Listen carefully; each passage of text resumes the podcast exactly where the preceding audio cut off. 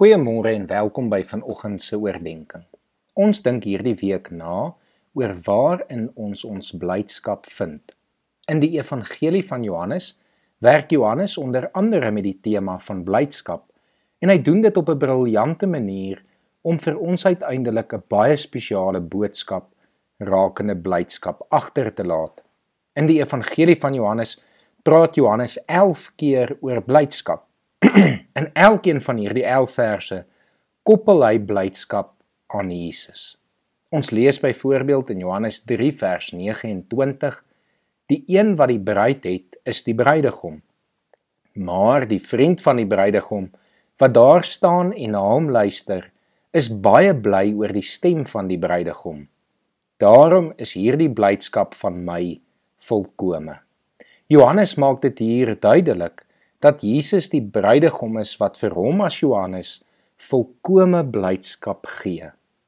Later in Johannes 8 vers 56 lees ons waar Jesus sê Abraham, julle vader het daaroor gejubel dat hy die dag van my kom sou sien en hy het dit gesien en was bly.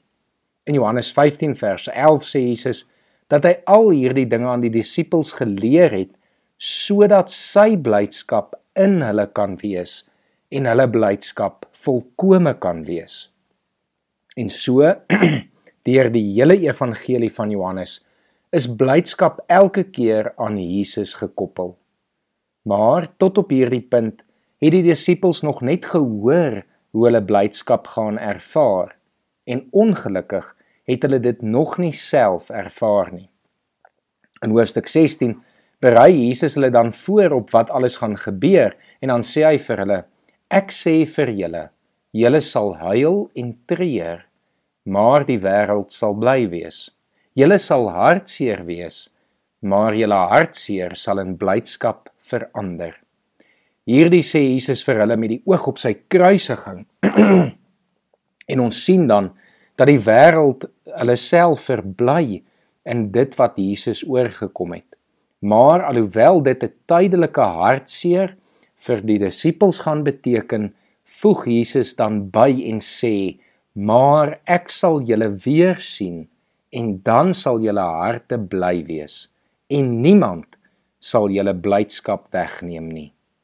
Hierdie gebeur dan presies ook so. En ons lees in Johannes 20 vers 20 nadat Jesus uit die dood uit opgestaan het en die disippels hom vir die eerste keer sien, die volgende: Die disippels was verheug toe hulle die Here sien.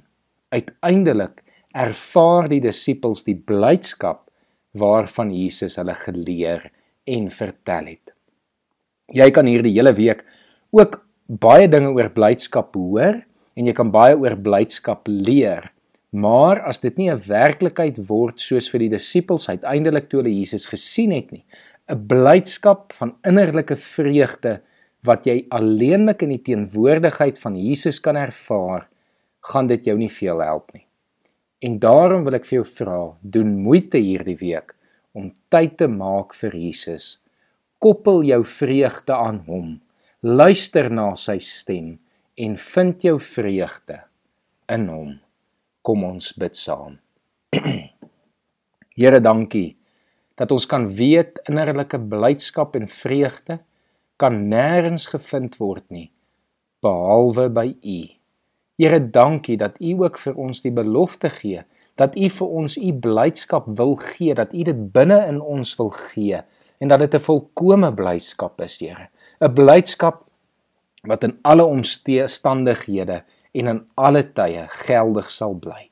Here, ons dankie daarvoor en ons loof U daarvoor. En ons doen dit alles in Jesus Christus se naam, ons Here. Amen.